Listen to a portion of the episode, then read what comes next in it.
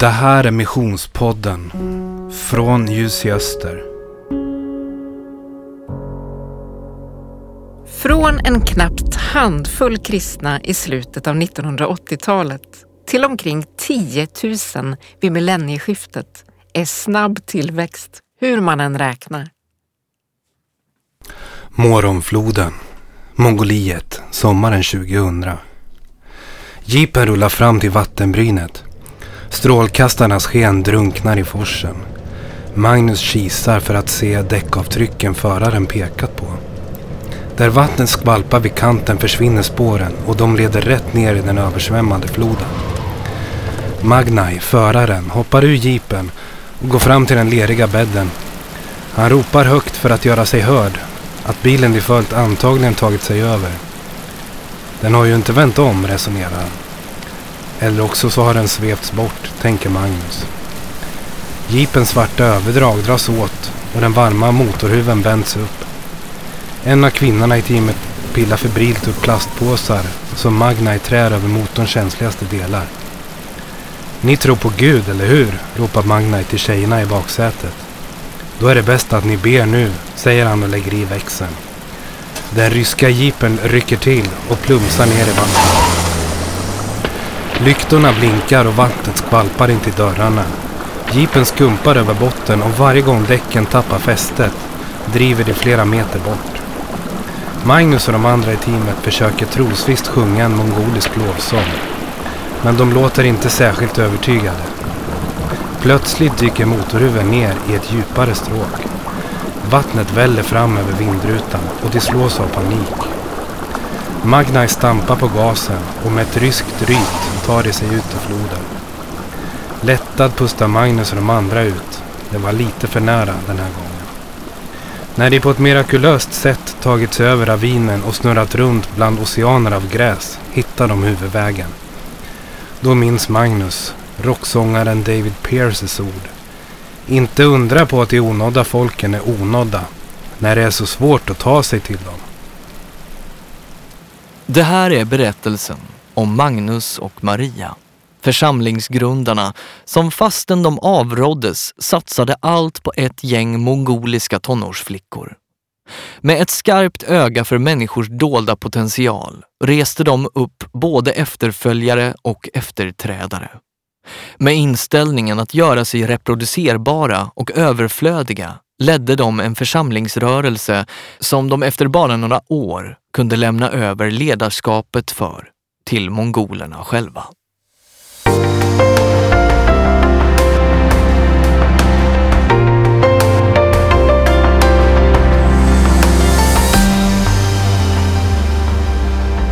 År 1990, ett år innan Sovjetregimen föll, gick Mongoliets kommunistledare med på folkets krav om allmänna val. Vid den här tiden gick Magnus och Maria och väntade på en möjlighet att missionera i Asien. I och med att Sovjet dragit sig tillbaka stod dörren till Mongoliet på glänt och det kändes därför lägligt att åka just dit. På UMUs lärjungaskolan i Amsterdam mötte de en kristen rockgrupp ledd av David Pierce som bjöd med dem till Mongoliet för att förbereda och följa upp några konserter i landet. Det blev den perfekta rekognoseringsmöjligheten för det nygifta paret. När planet väl landat bland de böljande kullarna kunde de inget annat göra än att luta sig mot Guds befallning och trofasthet. Den europeiska bekvämligheten var en lyx som Mongoliet inte kunde erbjuda. Hotellet i huvudstaden Ulaanbaatar kändes som en cementlåda och den luktade fårkött. Men maten, om det gick att få tag på någon, var billig. Den gamla kommunistkulturen och dess system satt i väggarna och Mongoliets invånare led svårt vid omställningen från planekonomi till marknadsekonomi. Konserterna med David Pierce och gänget blev ett lyckat projekt och en tredje församling föddes i staden som respons på de 696 ryssar och 307 mongoler som ville veta mer om Jesus. Maria och Magnus la speciellt märke till en av mongolerna, Erdem Bayar, eller Bayara. Vad de inte visste då var att hon skulle bli en av de viktigaste pelarna och närmsta vännerna i det framtida församlingsbygget. Det svåraste för Magnus och Maria var att ständigt vara beroende av tolk. De insåg att de behövde lära sig språket och ta till sig kulturen för att nå mongolerna på riktigt. Våren 1992 var de tillbaka i skolbänken i Amsterdam för att lära sig om pionjärmission. Två svenska missionsorganisationer fick samtidigt nys om deras intresse att resa ut som långtidsmissionärer till Mongoliet. Med stöd av bland annat Ljus i Öster och enskilda församlingar kunde de därför samma sommar flytta till Mongoliet med visionen att starta en församlingsgrundarrörelse. I Ulaanbaatar utmanade de sig själva att ta till sig språket och kulturen. De stod bredvid och lyssnade, stapplade sig fram på mongoliska fraser och tränade sig att undervisa på mongoliska. Med Bajarans hjälp uppnådde Magnus sitt första delmål. Att hålla en tio minuters predikan på mongoliska efter bara sex månader. Ganska snart blev det uppenbart att Gud kallade dem ur storstaden och ut på landsbygden. Efter ett tag bjöds de med på evangelisationsresa till staden Erdenet, ett nattågs avstånd från Ulaanbaatar. De ville grunda församlingar i Mongoliet och det här kändes som en perfekt möjlighet att se mer av landet. I jämförelse med Ulaanbaatar var Erdenet en liten stad med bara 60 000 invånare. Stadskärnan bestod av kolosser av hyreshus i sovjetisk stil. Utanför de vidsträckta tomma gatorna låg ett område av inhägnade tomter och ger-tält. Ett traditionellt tjockt runt tält. Staden byggdes 1975 vid en koppargruva och fick namnet Erdenet, som betyder skatt. Det mongoliska teamet evangeliserade frimodigt och bjöd in människor till kulturhuset i staden. På kvällen predikade Magnus och en koreansk kollega när de frågade hur många som var intresserade av att lära känna Jesus räcktes 90 ivriga händer upp. På hösten 1992 gjorde Magnus och Maria ytterligare resor till Erdenet. Under tågresorna lärde de känna Bajara väl och i henne såg de en framtida ledare för det som höll på att formas i Erdenet. Men med tiden minskade gruppen kristna i Erdenet tills den bara bestod av ett gäng fnissiga tonårsflickor. Erdenet, Mongoliet, 17 januari 1993. Slangen som Magnus har lagt fram harklar ur sig vattnet lite i taget. Efter ett bra tag kliver Bajara och Magnus över bassängkanten. Vattnet har långt kvar till midjehöjd, men det får räcka nu, konstaterar han. En av flickorna börjar sjunga på en lovsång och de andra hänger på. Samtidigt försöker Maria fånga det historiska ögonblicket genom en immig kameralins. De skrattar glatt när en efter en plumsar i vattnet. Bolorma är äntligen näst på tur. Tjejen som stått före henne kliver drypande våt och leende upp ur bassängen. Förväntansfull ställer sig Bolorma in till Bajara. Just som man ska se till att sänkas ner ler Bolorma stort mot Maria som lutar sig fram med kameran. När hon faller drar sig vattnet undan för att nästan direkt efter att hon sjunkit sluka henne helt. Plötsligt känner hon kraften från någon som drar upp henne ur den våta graven. I samma ögonblick en som ny. Med ett skutt och glädjetjut hoppar Bolorma upp ur vattnet och rusar in i omklädningsrummet. Hon bara måste få se skillnaden. Har jag blivit förändrad? frågar hon de andra. Det har jag väl. Tjejernas förväntan var hög och deras tro en fräsch inspiration för Magnus och Maria. Trots att de på grund av den mansdominerade kulturen avråtts från att grunda en församling med bara kvinnor så började de planera för en församling bestående av 14 fnittriga och helt nyfrälsta tonårsflickor. Det blev allt tydligare att Gud ledde Magnus och Maria till Erdenet. Nyåret 1993 hade de bestämt sig för att flytta dit men de saknade dock visum. Trots att de varken var utbildade lärare eller hade engelska som modersmål anställdes de som engelsklärare av en skola i staden och fick på så sätt visum. Rektorn varnade dem att livet skulle vara svårare i Erdenet än i Ulaanbaatar. Det enda som finns att köpa här är fårkött, menade han. Men vi gillar fårkött, svarade då Magnus på felfri mongoliska. Rektorn gapskrattade och verkade övertygad om att hon hittat rätt personer för jobbet. I februari 1993 gick flyttlasset mot vad Magnus och Maria upplevde som jordens yttersta gräns. För den unga Bajara var det ett svårt beslut att fatta. Men två veckor senare flyttade även hon med. För församlingen i Erdenetet antogs en strategi baserad på cellgrupper som växer, bildar nya och startar andra församlingar. Medan tonårsflickorna hellre ville anordna stora gudstjänster och dra dit rockiga lovsångsband manade Magnus och Maria dem till att ta det lugnt.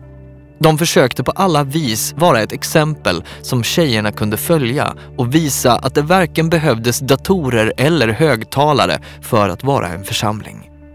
Dessutom var deras vision att församlingen skulle låta och kännas mongolisk. De såg fram emot den dag då mongolerna själva skrev lovsånger och koreograferade egna danser. En av cellgrupperna möttes på en militärförläggning utanför staden. Flera nyfikna drogs med till mötena, däribland Odgo. Av hans cyniska frågor förstod Magnus och Maria att han bara kommit för att debattera. Men en dag gick han fram till Magnus och Maria och berättade hur fel han haft och att han ville bli en kristen. Odgo blev den första manliga medlemmen i församlingen och hos honom såg de potentialen att tillsammans med Bayara bli församlingsledare framöver.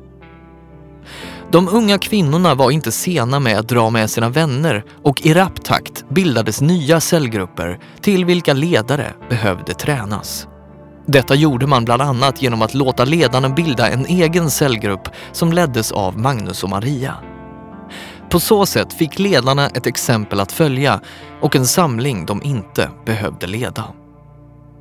Ungefär ett halvår innan ettårsfirandet utmanade cellgruppsledarna att fråga Gud hur många döpta medlemmar det skulle finnas i församlingen vid jubileet. Tre av tjejerna såg siffran 120 framför sig, vilket gjorde dem alla förväntansfulla. Det skulle innebära en dubblering av församlingen på väldigt kort tid. Men kvällen för det första jubileet fick de trots allt döpa den 121 Erdenetbon. Magnus uppmuntrade nu Bayara att börja undervisa allt mer i cellgrupperna och i henne, Odgo och Lgava en medelålders man, såg de alltså församlingens blivande äldste. Magnus och Maria la därför ner mycket tid på att träna just dem. De delegerade så mycket som möjligt åt de mongoliska unga ledarna. Målet var ju att göra sig själva överflödiga. Med tiden märktes det att vissa ledare inte riktigt hunnit mogna. Flera av dem brottades med synd som riskerade att skada folks förtroende och den unga församlingen. Men tillsammans med det mongoliska ledarskapet sökte man i Bibeln efter svar och ledning. Efter att den första församlingsmedlemmen öppet bekänt sin synd följde många hennes exempel och församlingen upplevde kraften i försoningen.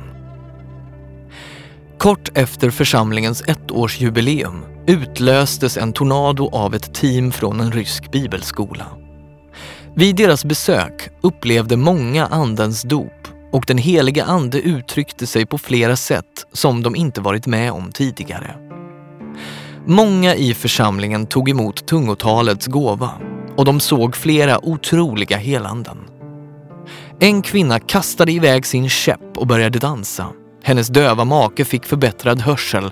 En synskadad tjej kunde se bättre och en annan blev befriad från onda andar. Vid varje samling under våren var Andens gåvor i funktion. En gång blev det så rörigt att Magnus var beredd att ta mikrofonen och lugna ner allt. Men när han försökte gå mot scenen var det som om något i luften hejdade honom. I sitt inre kände han sen hur den heliga anden bad honom att inte röra vid hans verk. Visst finns här överdrifter, men jag tar hand om det senare. Slappna av nu och låt mig röra vid människor, ska den helige Ande ha sagt till honom. Två år senare, den 23 juni 1996, stod Magnus, Maria och de andra i det utländska teamet redo att överlämna stafettpinnen till det mongoliska ledarskapet. Åt den nu 400 medlemmar stora församlingen avskildes Bayara som församlingens äldste och ledare för missionen. Odgo som huvudäldste och pastor. Lagva, en medelålders man som äldste och ledare för förbönstjänsten och ledarträningen.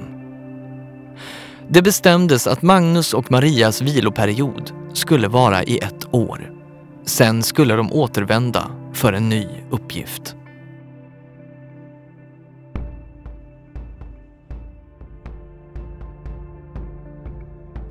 När Magnus och Maria åkt var det som om någon lättat på handbromsen. Under deras år i Sverige ökade församlingen i en explosionsartad takt. Det mongoliska mogna ledarskapet hade lagt i ytterligare en växel. Antalet celler fördubblades, lovsångsgudstjänsterna glödde av liv och den fyra år unga församlingen bestod nu av hela 600 medlemmar. Gud hade också gett dem större ansvar och inflytande i samhället. De hade upprättat soppkök och daghem bland gertälten utanför stadskärnan.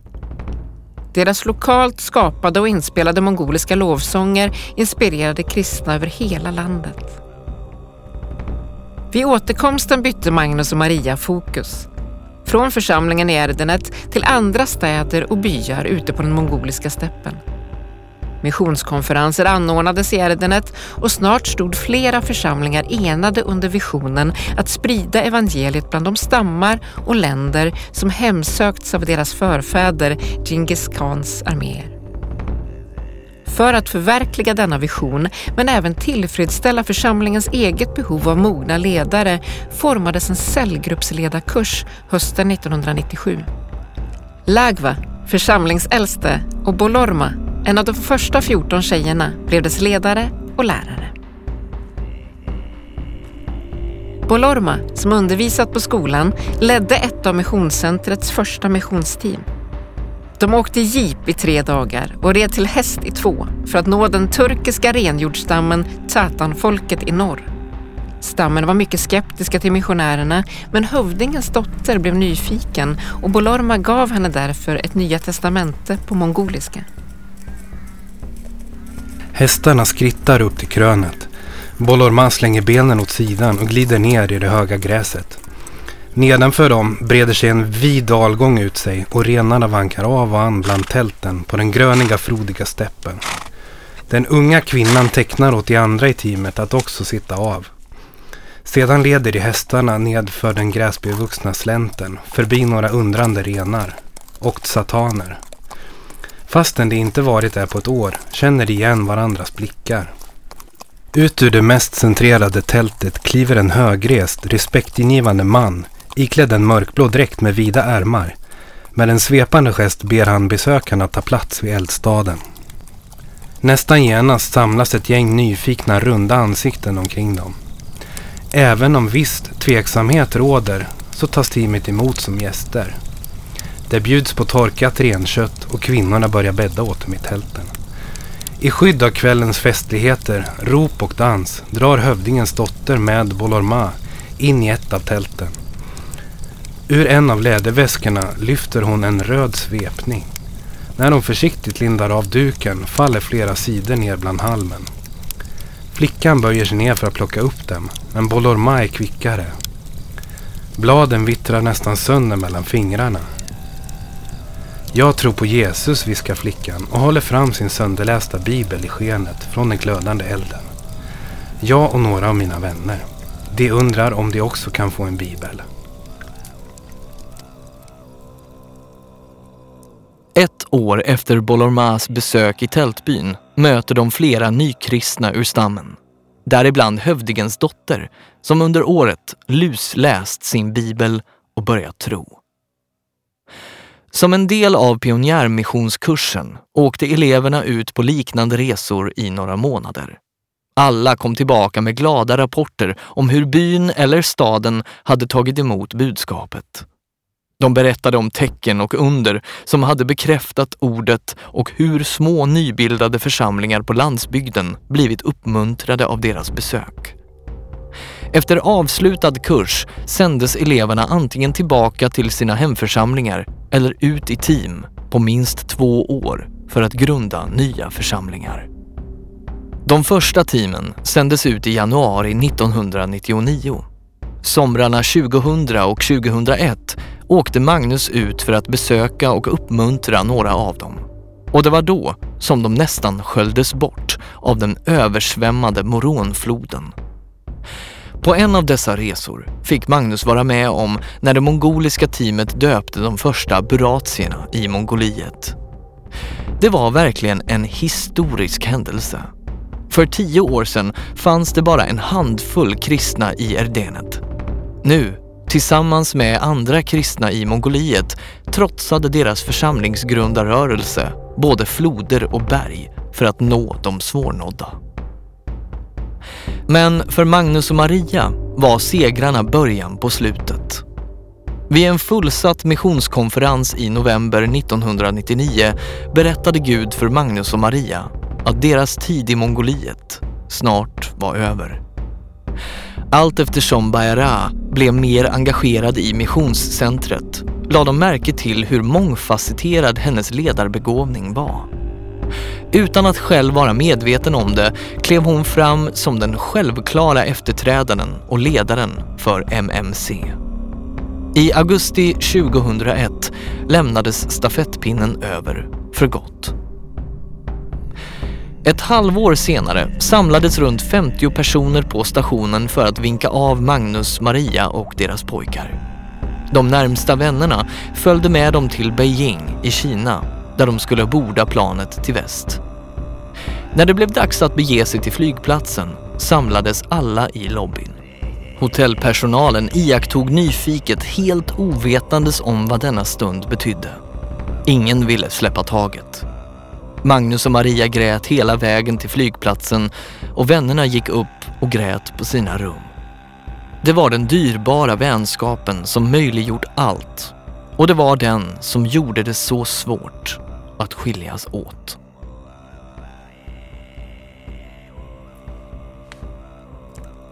Berättelsen om Magnus och Maria är en berättelse om ett ungt par som lämnade tryggheten och bekvämligheten i Sverige för en kämpig vardag som församlingsplanterare på den mongoliska steppen. Av ett för världen oansenligt gäng tonårsflickor formade de en församlingsgrundarrörelse som på mindre än tio år nådde utanför och även långt förbi Mongoliets gränser.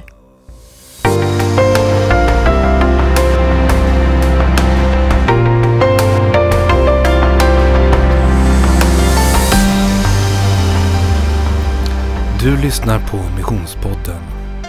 Vi fortsätter nu med ett samtal mellan Magnus Lindeman, direktor på Ljus i Öster, och Marcus Furingsten, fältansvarig på Ljus i Öster. Det här alltså, det är modern missionshistoria. Ja, verkligen. Ja. Verkligen. Alltså när Sovjet, det är ju egentligen tiden när Sovjet faller och sen då möjligheten att komma in med evangeliet i Mongoliet. Mm. Ja, det här är ju sånt som man drömmer om. Ja, Att bara få Verkligen. vara med i ett sånt här skede som, som Magnus och Maria får vara med i. ja. Och att, att jag vet ju själv alltså att jag, jag växte ju upp och läste deras vittnesbörd. Så för mig, liksom när, när, jag vet ju de här tidningarna, det fanns några evangelisationstidningar som berättade om deras framgång på ett sätt och jag var så otroligt fascinerad. Mm. Över ändå liksom att ett par ganska unga svenskar, de var ju inte gamla, så de är i 20-årsåldern när de kommer ut först. Mm. Eh, sen är de ju äldre då som de stannar sen i, i över 10 år. Men, men ändå liksom att, att de kan få vara med och bygga en levande församling i ett sånt område som Mongoliet. Ja. Eh, Sen är det ju också fascinerande när man tänker på det här att de, de bygger ju genom att sätta ledare, alltså kvinnliga ledare. Det är ju unga tjejer egentligen som får axla ledarskapet. Mm. Det går emot all möjlig ledarskapstänk i de här kulturerna. Och Ja. ändå fungerar det. ja, det är ju en, det är en rörelse som växer fram i, i skuggan av Genghis khan på ett Ja. sätt. Även om det var länge sedan. Så finns det ändå kvar och det är ändå påtagligt Ja. även idag att, att de tänker att ja, men vi ska ut med evangeliet på samma sätt, eller inte på samma sätt men, men Ja. till de områdena och sträcka oss ut precis som Genghis khan gjorde. Ja, Och då, då har man en vision alltså. ja. ja men verkligen. Sen kan man ju också lägga till, alltså någonting som inte den här berättelsen tog upp. Va? Men, men jag vet ju att Magnus och Maria också har varit i Turkiet Mm. eh, som missionärer och där hade de ju inte alls den här framgången. Eh, även om de även där såg frukt va, så var det ju inte på den här nivån. Och, och det är också fascinerande. Mm. Ibland så tänker man att det är personerna själva som är kanske de viktiga. Ja, men det är alltid, alltid Guds tid, Ja. Guds timing och att vara på rätt, rätt tid, rätt plats. Ja. Och ibland så, så tror jag att vi går bort ifrån det där i vår tanke. Vi glömmer, Ja. glömmer bort att det, det är Gud som är arkitekten och att Ja. vi, vi har nåden att få vara med på ett hörn ibland. Ja. Och ibland sår vi och ibland skördar vi. Precis. Och det är väl också en viktig lärdom tänker jag att eh, ingen kan eh, slå sig för bröstet och tycka att man är bättre, liksom, att det är jag som har allting tillsammans, utan vi behöver varandra. Ja, så är Eh, det. Men om vi skulle t- säga någonting om Mongoliet idag. Vi, Ljus i Öster fortsätter ju att jobba i Mongoliet.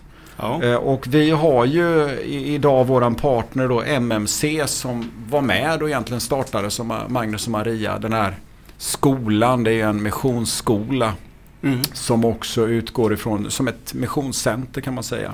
ja. Eh, Vi har, har lokala arbetare, Mm. lokala missionärer som är, är ute på olika delar på landsbygden och obygden. Det är ju inte enkelt att ta sig sådär. Det, det är ett, ett visst meck att åka till Ja. de här. Vägarna ser ju inte riktigt ut som i Sverige om man tänker så. Ja, vi kanske ska säga någonting om det. Vi var ju på resa och besökte de här nationella för ett par år sedan. Och eh, en dagsresa, en vanlig dagsresa för oss var ju någonstans mellan 10-15 timmar att sitta i bil. Ja. Eh, Och då gick det ju inte fort. Jag menar, vi, Nej. vi körde kanske en 40-50 kilometer i timmen om det gick bra. ja, För det gick inte att köra så mycket fortare på de där vägarna. På vissa ställen gick det ju betydligt långsammare. och det mest fascinerande var väl där eh, vi åkte en natt. Eller det kanske inte var natt men det var mörkt. Det var ju mörk kväll i alla fall. Och vi var åkte i ingenstans kändes det som. Ja. Att vi, Vägomläggning, Ja. då fick man köra där det inte fanns någon väg. precis, och det skumpade upp och ner. Och eh, jag vet att du hade ju väldiga problem med ryggen. Ja. Det är det är spännande, spännande resa. Ja. Men det, hela den där visade också på en annan aspekt av kulturen Mm. i Mongoliet. Och, och den här att även fast man reser långt så passar man på när man är Ja. där att besöka sina, sina vänner. Ja. Så vi hade ju några sådana här avstickare från vår plan där man åkte kanske ett par, tre timmar i en viss eh, riktning bara Mm. för att få besöka en person som egentligen inte var inplanerad Ja. som ett, ett mål att besöka. Men just bara för att hålla relationen uppe. Ja. ja, men just den där tidsaspekten förstår man ju också att man Relationer är viktiga, tidsaspekten liksom, den är inte lika viktig som, som vi har i Sverige, att man håller sig till det är den här tiden, nu måste vi dra vidare. Mm. Och det där präglar ju också våra nationella arbetare. Ja, Det är mycket relationellt arbete ja, i de här byarna och man försöker att hitta vägar som är bra för hela byarna. ja, Jag tänker på den där kvinnan som vi besökte som, eh, där de hade den enda brunnen. Visst Mm. var det så att det var den enda brunnen som de hade i det samhället? precis. Eh, Och på det viset så kom ju folk i hela samhället till egentligen den där lilla kyrkolokalen som de hade. Ja, för Eh, att hämta och- vatten. Ja, för att hämta vatten Mm. och så kunde de bygga relationer. Mm. En annan är ju den här unge killen Senda Jurs som eh, är pastor uppe i en av i, en av byarna, eller ett samhälle med kanske 10 000 eller vad det var. Men eh, som jag har börjat jobba med fotboll. Ja, Jag blev så fascinerad när han sa just detta att jag spelar egentligen inte fotboll men han såg ett behov ja, bland de här unga barnen då som, som kanske har föräldrar som en del har ju fastnat i alkohol och så här och så Mm. vill de hitta någonting för att göra med de här barnen och så bygger man relationer. Mm. Ja, det, och det är stort. Mm. Och, och en annan som jag kommer ihåg, den här pastorn. Han, alltså det, man, man insåg att han var så fattig när vi pratade med honom. Och så dottern som studerade Mm. borta och så funderar man liksom hur, hur räcker pengarna och vi frågar liksom och så berättar han också då helt självklart att ja, men vi, vi hjälper ju till också. Vi, Ja. Socialt, vi, vi skänker. Och- och bara, Men du har ju inga pengar själv. Vad, vad skänker ni för någonting? Alltså, när ni inte har några pengar. Ja men om vi, har, om vi köper en, ett kilo mjöl så då avsätter vi liksom en tiondel av, av det mjölet och så ger vi bort det. Så man inser att det, det där det sitter djupt Ja. hos dem. Och viljan att, att vara generös även fast man inte har någonting. Ja. Det, det är stort. Ja. Nej, men jag, vet, eh, jag vet ju just detta med när de sa att vi har ett arbete där vi ger till de fattiga. Mm. Och där vi liksom nästan skrattade åt oss själva. Liksom så här, och man, man kände att men ni är ju fattiga. Mm. Eh, men just detta liksom att det lilla man har, det ger man vidare. Så nej, men det, det, det är strångt. Mm. Eh, MMC har ju inte bara nationella missionärer i Mongoliet utan vi stöttar ju också en del som sänds till andra länder. Ja, precis. Och det som jag nämnde lite i början där, om, man har den här visionen Mm. om att gå i Djingis Khans fotspår och sprida ut Ja. missionärer över alla de här länderna. Så Och det är ju ett enormt område. det är ett enormt område. Det är ju hela vägen ända till oss här i Europa. Ja, och Indien och så Mm. vidare också. Eh, nej men då vi är ju med och stöttar eh, en handfull Mm. av de här som då befinner sig i, i vissa länder och vi kan inte gå in på exakt vilka länder det är. Men det här är ju farliga länder. Ja, och de kan ta sig dit därför att de kommer just från Mongoliet. Ja, det finns kopplingar Mm. till mongolfolk. Eh, och jag vet ju hur jag träffade en av dem som vi stöttar. En kvinna som om du träffar henne så, så hon är inte den som märks i ett rum. Eh, Hon är verkligen inte den som tar för sig liksom och och är centrum av det som pågår. Men samtidigt när man börjar prata med henne och så bara märker man Wow, vilken Kristina. Alltså Mm. vilken människa. Ja. Där hon har valt att leva i ett land där det är så otroligt osäkert. Ja. Och där det är risk för hennes liv. Mm. Och där hon inte kan jobba öppet. Eh, Och ändå berättar hon då liksom hur hon har haft möjlighet att, berätta om Jesus för människor. Hon har förmedlat Jesus kärlek men också förmedlat Bibeln till olika personer. Och, eh, jag har ju lite kontakt med henne på, på social media liksom i, i, och, och då skickar hon ju lite så här lite dolt och så kan hon skriva så här att nu har jag gett dem boken. Mm. Och då vet jag boken, det är Bibeln det. Mm. Så att, nej, men det, det är fascinerande Mm. ändå. Ja, det är stort. Eh, vad, vad ska vi göra då? Alltså, vi behöver ju också, för de här behöver vi be. Mm. Det är stort behov av, av förbön. Ja. Så vill du vara med i, i bön för mongolerna för att de ska få kraften och energin att föra evangeliet vidare och ut till de här länderna som de Ja. vill missionera i. Så stå med i förbön för dem. ja. Och jag menar, ibland så kan det kännas nästan lite tjatigt. Vi säger ungefär samma sak. Men, men det här är så viktigt. Mm. Och jag tror att vi behöver någonstans väcka det här och förstå att det behöver kanske inte vara långa böner. Va? Men, men bara det att vi nämner Mm. eh, kanske Gud välsigna missionärerna Mm. från Mongoliet. Bön gör Eh, skillnad. Ja, det gör ju det. va. Och, Mm. och be om beskydd och att Gud leder både med fri, frimodighet och vishet. Alltså det Mm. behövs ju båda två. Eh, sen kan man ju ge självklart. Mm. Man kan ge till nationella arbetare, man kan ge till missionärer då som är utsända från Mongoliet. Man kan ge till den här skolan, vi är med och stöttar en, en eh, missionsskola. Mm. Och vill du ge så kan du ge då via Swish eller Bankgiro och då är det 936 25. Så 900 3625 och det är samma nummer antingen till Bankgiro eller Swish. Eh, sen vill man vara med så kan man också ge. Vi, vi har sagt det någon gång tidigare men vi kan säga det igen att vill man ge en större summa så kan man också ge till Missionsfonden. En fond där vi kan finnas med att kunna ge eh, kanske uppstartsprojekt och lite pionjära satsningar som då inte finns i våran budget. Och då skriver du bara Missionsfonden när du ger eh, och så kommer det dit. Mm. Det är jättebra. Vi är ju alltid tacksamma för alla som vill vara med och, och stötta Ljus i Östers arbete som vi själva ser som en del av Guds verk. Verkligen. Eh, Du ska ha tack för att du har lyssnat idag och eh, så hörs vi igen. Du har fått lyssna till Missionspodden från Ljus i Öster. Med berättelser om livsöden från då och nu vill vi inspirera dig i din vardag. Vi har pusslat ihop deras livsöden och insett att dessa män och kvinnor utmanar oss till att gå all in för Jesus. I mer än hundra år har Ljus i Öster arbetat med att nå onådda folk. Denna sommar får du chansen att lyssna till och bli en del av vår historia. Vi startar den 24 juni. Du finner oss där man hittar poddar och på vår hemsida ljusgöster.se